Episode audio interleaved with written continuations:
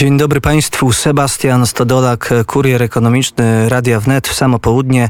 Jest z nami na linii wakacjujący Stefan Sękowski, politolog, ekonomista, ekspert Nowej Konfederacji. Dzień dobry, panie Stefanie, a raczej Stefanie, bo przecież znamy się. Tak, cześć, dzień dobry e, Państwu. Mam nadzieję, że będzie mnie dobrze słychać.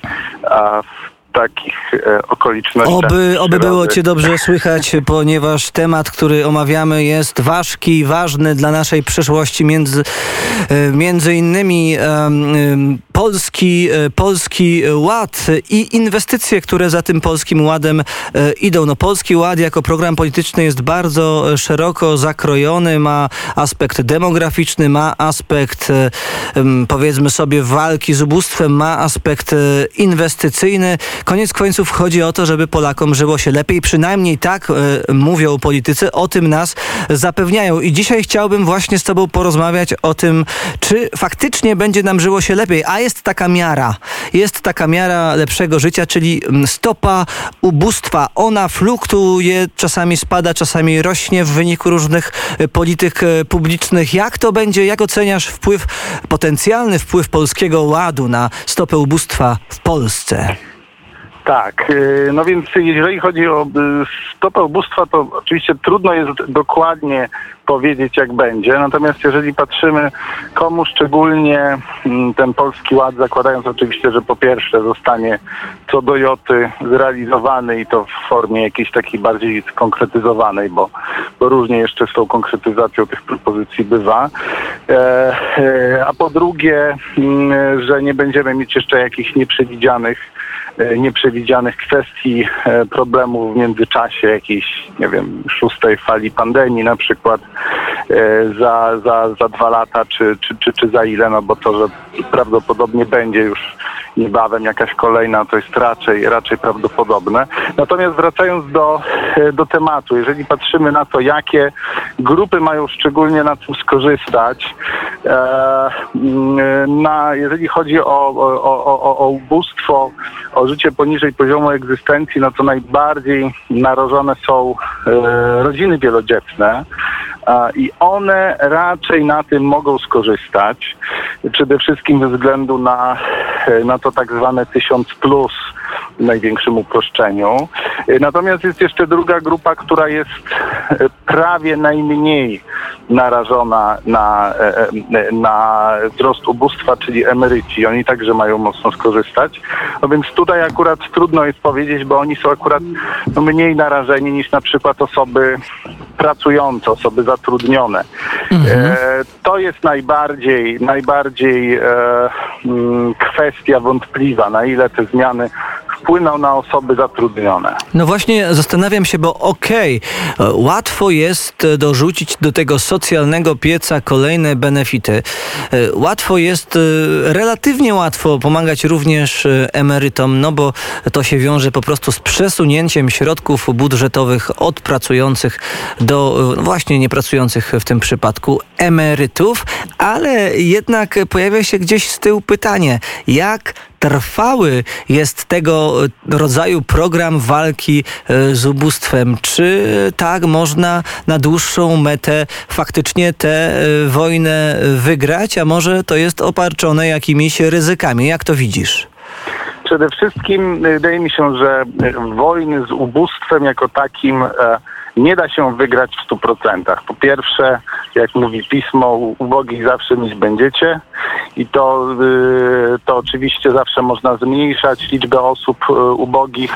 E, natomiast z drugiej, znaczy przez zwiększanie liczby oczywiście miejmy nadzieję tych, którzy mają się lepiej. Natomiast y, z drugiej strony też relatywizujemy sobie te sprawy. No to ile osób, to, to co się dzisiaj uznaje za, za ubóstwo, mogło być, nie wiem, 50-100 lat temu uznawane za, za luksusy.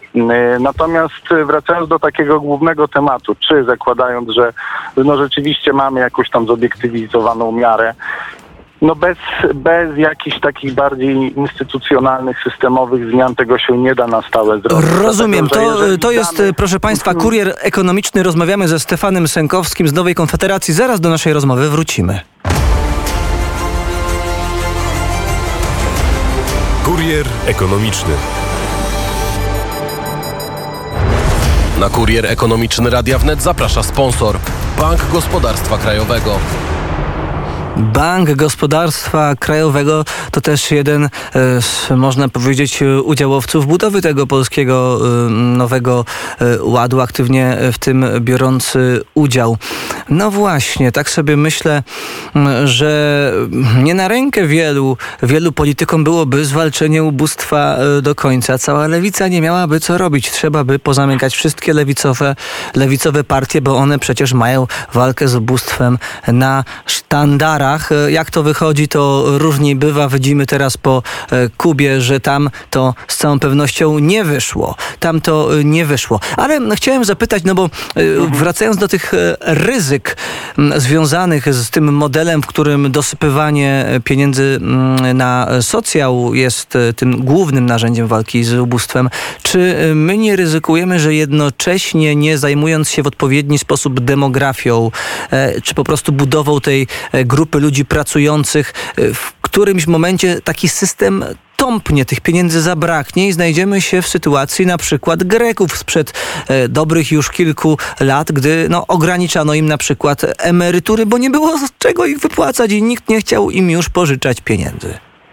No przede wszystkim jeszcze wracając do tego poprzedniego y, pytania, jeżeli dajemy jakieś świadczenia, no to jeżeli ich później nie waloryzujemy, jeżeli nie powiększamy ich y, wartości nominalnej, no to spada ich wartość realna, czyli te 500 złotych, które dostajemy na każde dziecko od, od kilku lat, no to już y, relatywnie nie ma takiej wartości, jak miało wcześniej. I to się będzie oczywiście to się będzie powtarzało, zwłaszcza, że rośnie, rośnie inflacja. Jeżeli chodzi o takie zagrożenie e, jakimś, no to oczywiście po pierwsze skoczyło nam e, zadłużenie, ale to w dużej mierze jest związane z, z kwestią pandemii e, w tej chwili. Myślę, że z czasem, jeżeli, jeżeli będzie znowu lepszy wzrost e, gospodarczy, no to ten stosunek stosunek długu do, do PKB, no to będzie wiadomo spadał.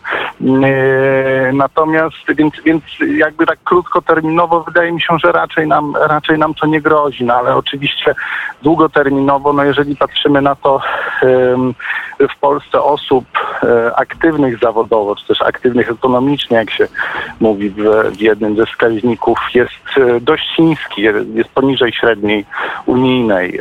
No to to są małe, to są słabe, są słabe wskaźniki, słaba podstawa długotrwałego wzrostu i, i wychodzenia e, ludzi z, e, ludzi z ubóstwa. Także, e, także to na pewno na pewno bez, bez poprawienia tego się nie da. A co z taką walką z ubóstwem, która mogłaby polegać na dawaniu ludziom, jakby powiedzieli liberałowie z podznaku Miltona Friedmana, wędki zamiast ryby? Czy dostrzegasz w Polskim Ładzie też taki instrument, jakieś jego chociażby elementy, przejawy?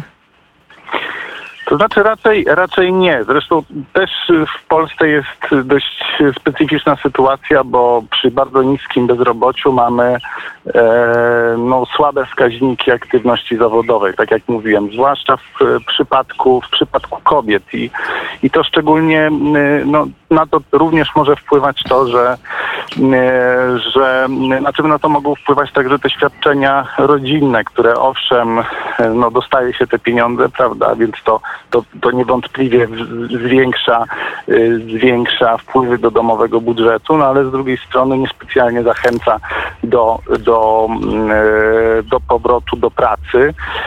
No ktoś może powiedzieć oczywiście, że, że, że no przecież nie można ludzi do pracy, do pracy zmuszać, no ale z drugiej strony często, często rodzice nie bardzo mają możliwość wspólnego, wspólnego y, y, pracowania, dlatego że na przykład nie ma, nie ma wystarczającej liczby żłobków, y, w których można byłoby dzieci, dzieci umieścić, więc generalnie no tutaj na pewno kuleje ta strona usług publicznych.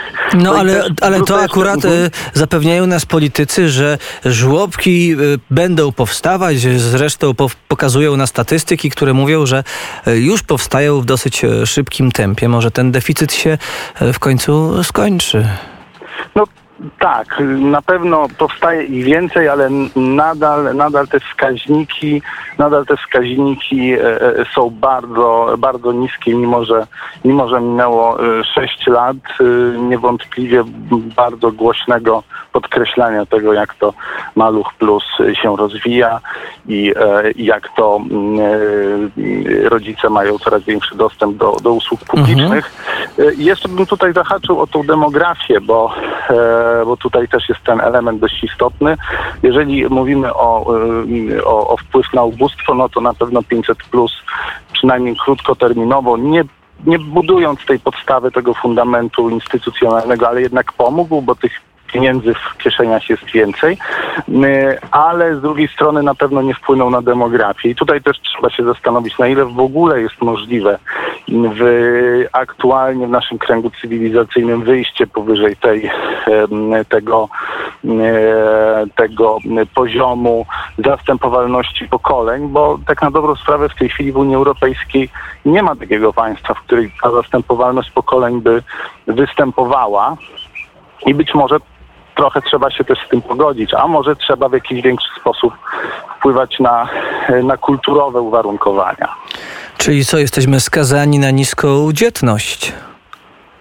To znaczy, z jednej strony być może tak, ale z drugiej strony to wcale nie musi oznaczać wymierania społeczeństwa. No bo jeżeli ludzie żyją dłużej i a, no, kiedyś ta dzietność była znacznie większa, a, a, a, a liczba, liczba obywateli e, wcale jakoś e, drastycznie nie rosła do czasu oczywiście, kiedy, kiedy e, pojawiły się szczepionki, kiedy pojawiła się kanalizacja, kiedy też te podstawy gospodarcze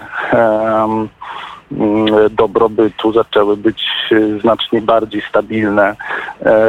No to jest oczywiście być może temat też na inną dyskusję, ale może należy troszeczkę zmienić myślenie na ten temat. Tu nie chciałbym jakoś bardzo, bardzo tego rozwijać, natomiast jakby konkludując, nie, nie wierzę za bardzo, żeby, żeby państwowe programy mm, potrafiły bardzo mocno wpłynąć na dzietność, co zresztą widać po państwach, w których są bardzo rozbudowane, bardzo rozwinięte, a mimo to Francja jest naj, naj, najlepiej pod tym, pod tym względem chyba y, się ma w tej chwili, a ta, a ta dzietność jest na poziomie 1,9 mniej więcej dziecka na, na kobietę, no a powinno być mniej więcej 2 2,1, 2,2 różnie demografowie A mówią. jeszcze na koniec y, ten wątek demograficzny to faktycznie jest chyba rozmowa na e, inną okazję, a chciałem dopytać w kontekście ubóstwa jeszcze, może nie ubóstwa, ale po prostu walki z, y, y, z taką niską zamożnością, tak to nazwijmy, o te plany podatkowe.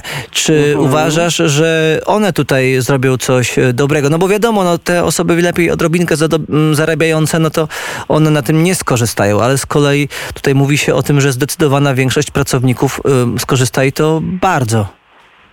No tutaj też jest pytanie, jak to ostatecznie będzie wyglądało, czy te, czy te propozycje będą ujęte w pakiecie jednym, czy, czy jednak będą jakoś poszatkowane. Mm, Raczej wydaje mi się, że jednak większość Polaków na tym, na tym skorzysta. Mimo wszystko suma summarum były nawet takie badania i to, i to niezależnych e, ekspertów e, z CENEA chociażby, z których wynikało, że 90% Polaków na tych zmianach skorzysta.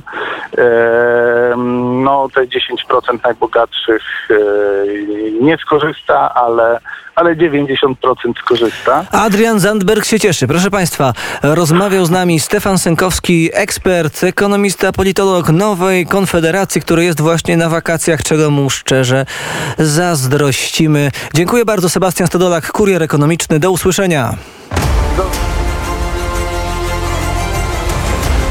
Kurier ekonomiczny.